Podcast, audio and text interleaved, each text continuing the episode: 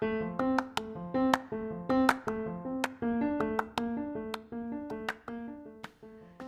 listeners, ketemu lagi dengan saya Bunga Mega di acara podcast Bunga Mega.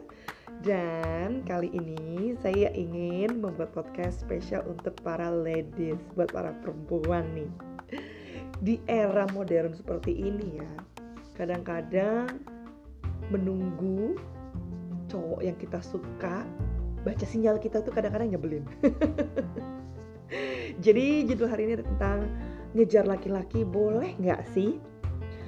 Well, mungkin bagi sebagian orang masih pro dan kontra ya. Beberapa perempuan masih menganggap itu sebagai hal yang aduh murahan, kayaknya kegatelan. Tapi mungkin bagi sebagian kamu ini sebagai emansipasi. Emang kenapa kalau saya ngejar laki-laki? Kan saya juga suka. Emangnya cuma cowok doang yang boleh ngomong, ya kan? Terutama kalau kita lihat dari film-film Jepang, Korea, di mana perempuan mengucapkan atau mengungkapkan perasaan suatu hal yang sangat wajar. Mungkin di Indonesia uh, permainannya rada berbeda kali ya beberapa laki-laki kadang-kadang beranggapan itu biasa aja, tapi masih banyak juga yang mungkin berpikir itu seperti merampok hak gender mereka.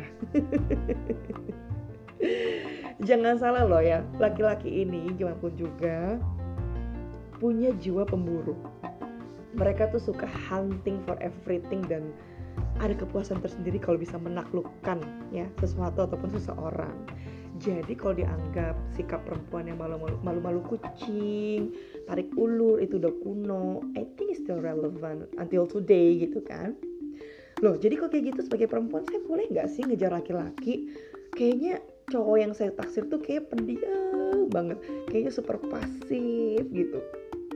Kalau buat saya sih boleh-boleh aja tapi nanti gimana kalau anggapan orang-orang dan saya sebagai perempuan yang kegatelan, perempuan yang murahan?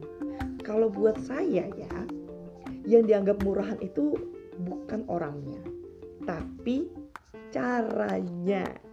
Oleh karena itu podcast kali ini mau tentang ngomongin mengejar laki-laki bukan soal boleh atau nggak boleh, tapi bagaimana caranya itu proper ya jadi ibaratnya ya mengejar laki-laki kalau buat saya pribadi nggak bisa dilakukan secara terang-terangan. Ibarat kata nih, kamu harus menyiapkan amunisi serta taktik perang sehingga laki-laki yang sudah menjadi target kamu itu merasa atau kamu buat mereka merasa tengah mengejar kamu dan mendapatkan kamu gitu. Padahal kita sudah membuat strateginya. Udah tricky sih, tapi I think it's something yang ya at least kalau bisa dilakukan dengan proper itu suatu hal yang um, bisa menjadi uh, win-win solution ya. Apalagi kalau misalnya sang laki-laki juga punya perasaan yang sama-sama kamu gitu. Oke okay, kita ngomongin soal amunisi nih. Amunisi yang pertama kita ngomongin karakter. I'm talking about inner beauty. Jadi secantik-cantiknya kamu, kalau nggak punya karakter yang mendukung, yang juga sama juga nol ya. Coba kita balik deh, anggap kalau misalnya kamu punya uh, gebetan yang cakep banget ya, ramah dan bikin semua cewek itu tergila-gila. Tapi dia memilih untuk menaruh hati sama kamu.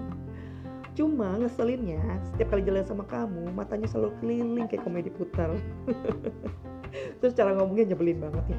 Ninggin diri sendiri, paling ngerasa paling tajir sedunia, dan paling famous gitu. Jadi males kan ya. So, do not forget to invest in your character.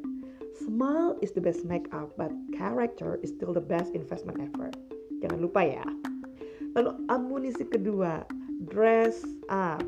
Ya, pernah dengar kan pepatah dari mata turun ke hati? Jadi pertanyaannya gimana bisa turun ke hati kalau di mata gak enak dilihat? Jadi jangan pernah ngeremehin untuk tampil dengan baik. Nggak, nggak usah berlebihan ya, maksudnya nggak harus kayak model catwalk ataupun terlalu santai gitu kan sampai kayak bajunya tuh nggak tahu menempatkan diri. Intinya berdandan sesuai dengan kepribadian kamu. Banyak banget kok di internet ya referensi gaya yang lagi ngetren ya kan? Blogger, vlogger, influencer semuanya kau bisa contek dan pilih yang paling nyaman dengan uh, kepribadian kamu dan juga bisa meningkatkan kepercayaan diri kamu. Perhatikan juga nggak cuma dress up nih kesehatan dan kebersihan badan. Ya kalau mau cakep tapi bawa badan cowok juga mundur teratur. Amunisi yang ketiga, upgrade yourself. Ini buat saya suatu hal yang wajib hukumnya ya. Jadi untuk jadi perempuan yang menarik, kita pun juga harus tertarik dengan banyak hal. Ya. Jadi apa nih yang menarik buat kamu? Jangan cuma gosip-gosip, tapi hal-hal yang juga bisa meningkatkan kualitas diri kamu. Jadi perempuan modal cantik dan senyum aja nggak cukup ya, harus bisa punya pengetahuan yang luas.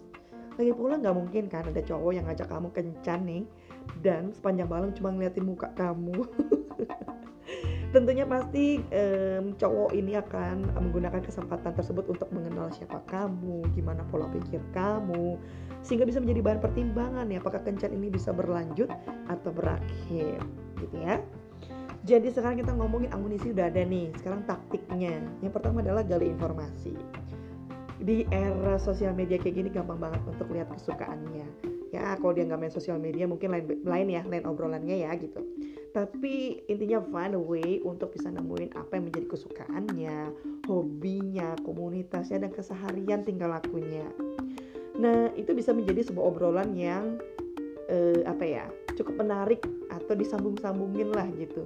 Intinya adalah di saat ini adalah membuat dia sadar kamu ada di dalam radarnya atau ada di dalam lingkungan pergaulannya. Tapi jangan berlebihan ya ntar dianggap stalker lagi.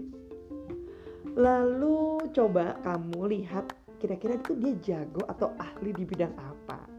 Dan coba tunjukkan ketertarikan kamu terhadap keahliannya sehingga dia bisa cerita lebih banyak tentang hal-hal yang dia suka itu. Lain kedua, jangan membuat first move, artinya mungkin mengajak casual date yang kayak harus berduaan gitu. Karena secara nggak langsung cowok juga sadar kayaknya dia kamu lagi tuh lagi deketin dia gitu. Tapi coba dengan cara-cara yang lebih ringan dan sederhana gitu ya. Misalnya kalau kamu satu kampus misalnya cowoknya namanya Abi gitu ya. Bi mau ke kantin ya? Kebetulan nih gue juga mau ke sana lapar barengan yuk gitu. Jadi pakai kata-kata yang lebih uh, casual santai. Atau misalnya kalian punya project bareng bisa di kantor gitu kan. Uh, lo lagi ngerjain project ini ya um, boleh nggak ada gue telepon terus tanya-tanya? Atau misalnya dia hobinya lari maraton gitu kan ya. Kan kamu juga lagi baru belajar nih lari gitu. Terus mau ikutan um, satu kegiatan maraton barengan. Ikutan lari maraton juga ya samaan dong. Udah ambil respect belum kalau belum bareng yuk gitu kan jadi fun way untuk something yang casual dan gak langsung yang harus berduaan dengan kayak candlelight dinner dan sebagainya intinya lelaki yang merasa nyaman akan mengajak kamu kencang saat dia merasa sudah siap ya. Jadi kalau akhirnya dia meminta kamu keluar bareng sama dia berduaan, mungkin itu adalah lampu hijau yang bisa membuat kamu mendapat akses mengenal dia lebih jauh. Ya. Lalu taktik ketiga, ini penting nih ya. Jangan lupa cowok suka dengan uh, cewek yang susah-susah gampang didapat. Sesekali sudahi percakapan. Kalau dia sudah mulai melakukan first move dan mulai banyak uh, rutin melakukan komunikasi, kamu jangan senang dulu dan menunjukkan terlalu banyak respon positif. Ingat ya, know that you are worthy but still uneasy to get. Tunjukkan bahwa isi duniamu bukan cuma dia seseorang. Misalnya dia nelfon atau chatting sama kamu di WA, ya kan?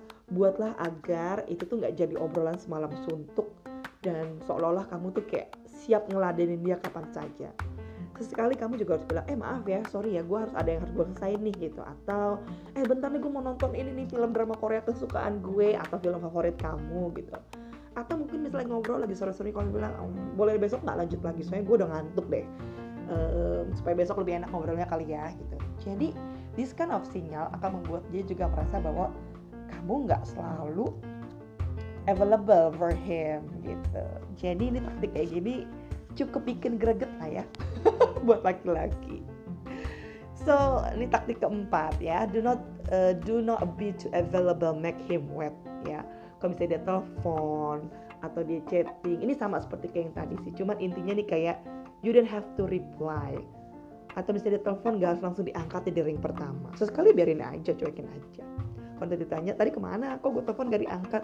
Oh lagi ngobrol sama teman gue, kayak gitu atau lagi uh, lagi makan gue nanggung ya, seperti itulah ya kejam nggak enggak sih ya kalau menurut saya karena kalau buat saya intinya adalah kita para perempuan harus memberi tempat dan waktu untuk menilik kegigihan seseorang laki-laki ya. Supaya apa? Mereka penasaran kalau kamu mengabaikan mengabaikan mereka. Ingat ya mereka itu adalah pemburu ulung. They will hunt for everything that they want and they like. Beri kesempatan untuk mereka berusaha menunjukkan keseriusannya menunjukkan bahwa dia sudah baca kamu juga tertarik mungkin masih mikir-mikir nih untuk hubungan lebih lanjut. Mungkin kurang waktu sekitar 12 minggu atau sekitar sekitar 3 bulan. Perhatikan ritme dan grafik pendekatan yang terjadi sepanjang minggu. Jadi kalau misalnya dia benar-benar jatuh hati sama kamu ini yang saya baca dalam buku Act Like a Lady But Think Like a Man. Ini dibahas mengenai 90 days rules di mana dalam 90 hari adalah masa yang tepat untuk menganalisa apakah seorang laki-laki itu serius sama kamu atau cuman masih window shopping kali ya karena kalau 90 hari itu kan kinda intense gitu jadi kalau misalnya dia cukup intens dan ritmenya cukup apa ya cukup terus menerus maka bisa dipastikan bahwa dia sedang benar-benar tertarik dan berusaha mencari pasangan untuk jangka panjang gitu ya nah di masa ini kalau misalnya kamu sudah berhasil membuat dia uh, melihat kamu dalam radarnya, membaca sinyal kamu dan ketertarikannya. Ini juga saatnya kamu berdialog dengan diri sendiri, ya. Benar nggak sih, si dia itu orang yang saya butuhkan? Sekarang, benar nggak sih, saya juga siap berkomitmen? Dan yakin nggak kamu dengan karakter dan nilai dirinya? Kalau kamu yakin dengan dia, saatnya kamu juga bisa nih ngerespon lebih jauh. Tapi kalau kamu sendiri masih lebih ragu-ragu, dan kamu cuman kayak menikmati rasanya punya fans lebih baik sih jangan diterusin ya karena buat aku sama aja kayak nyakitin orang lain sih gitu ya. Terus bisa juga intinya taktik kelima nih don't say yes for everything. Intinya nggak perlu takut berbeda pendapat dengan cowok yang kamu suka. Kamu kan juga punya pemikiran sendiri ya punya nilai-nilai sendiri punya hal-hal yang buat kamu ini penting dan itu nggak penting. Jadi jangan pernah takut berpikir kalau cowok yang kamu suka akan mundur teratur hanya karena kamu disagree sama dia. Sikap Beo cuma membuat kita kadang-kadang terlihat bodoh. Hanya karena takut nggak dilirik atau cinta nggak berbalas, kamu pilih jalur aman. Jika dia nggak senang, melihat kamu berani mengemukakan, mengemukakan pendapat, artinya kamu belum terlambat untuk mundur.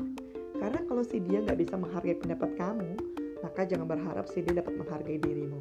Right man, respect your standard ya taktik keenam menghilang uh. kalau ini sih buat saya bukan sekedar uh, bukan mempermainkan perasaan tapi lebih ke penegasan terhadap diri sendiri. Seperti yang tadi saya sudah omongin ya misalnya sudah sesuai dengan planning kamu uh, terus kamu juga merasa semakin kenal dia kok ada beberapa hal yang masih bikin kamu mikir-mikir ya gitu. Jadi gunakan momen ini untuk menghilang dalam artian untuk self talk gitu. Tanya sama diri kamu sendiri apakah dia orang yang tepat untuk kamu orang yang benar-benar kamu cari untuk uh, hubungan jangka panjang dan sebagainya. Well anyway tugasmu sudah selesai baik dari mengenal dunia dan karakternya ngobrol cukup intens sama calon uh, sama gebetan kamu. Kalaupun belum ada respon maksimal atau pernyataan cinta yang seperti kamu harapkan ini saatnya kamu menghilang dari radarnya dia ya jadi kalau dia benar-benar peduli dan tertarik, biasanya sih gantian dia yang bakal cari cara untuk memenangkan hatimu. Tapi kalau dia tetap nggak ngeh, artinya mungkin dia memang benar-benar nggak pernah tertarik sama kamu lebih dari sekedar teman atau gebetan dalam jangka panjang. Ini adalah pertanda untuk kamu berdamai dengan diri kamu sendiri. Kamu harus berbesar hati dan berhenti berharap kepadanya. Pilihan kini ada di tangan kamu ya ladies intinya sih laki-laki kalau benar-benar jatuh cinta atau jatuh hati nggak mungkin menutup mata dari kepribadianmu yang baik dan menarik. Tapi jika gebetan nggak memberi perhatian sebesar yang kamu harapkan, bersyukur aja.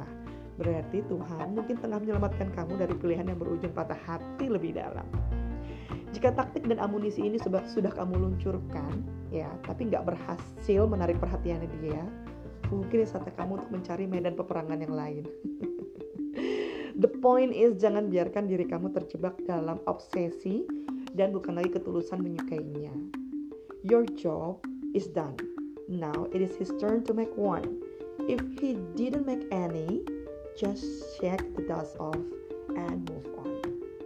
Semoga tips ini bisa ngebantu kamu yang sedang galau gitu kan, bucin, punya gebetan, tapi si gebetan nggak ngeh ngeh jadi dicoba aja siapa tahu berhasil.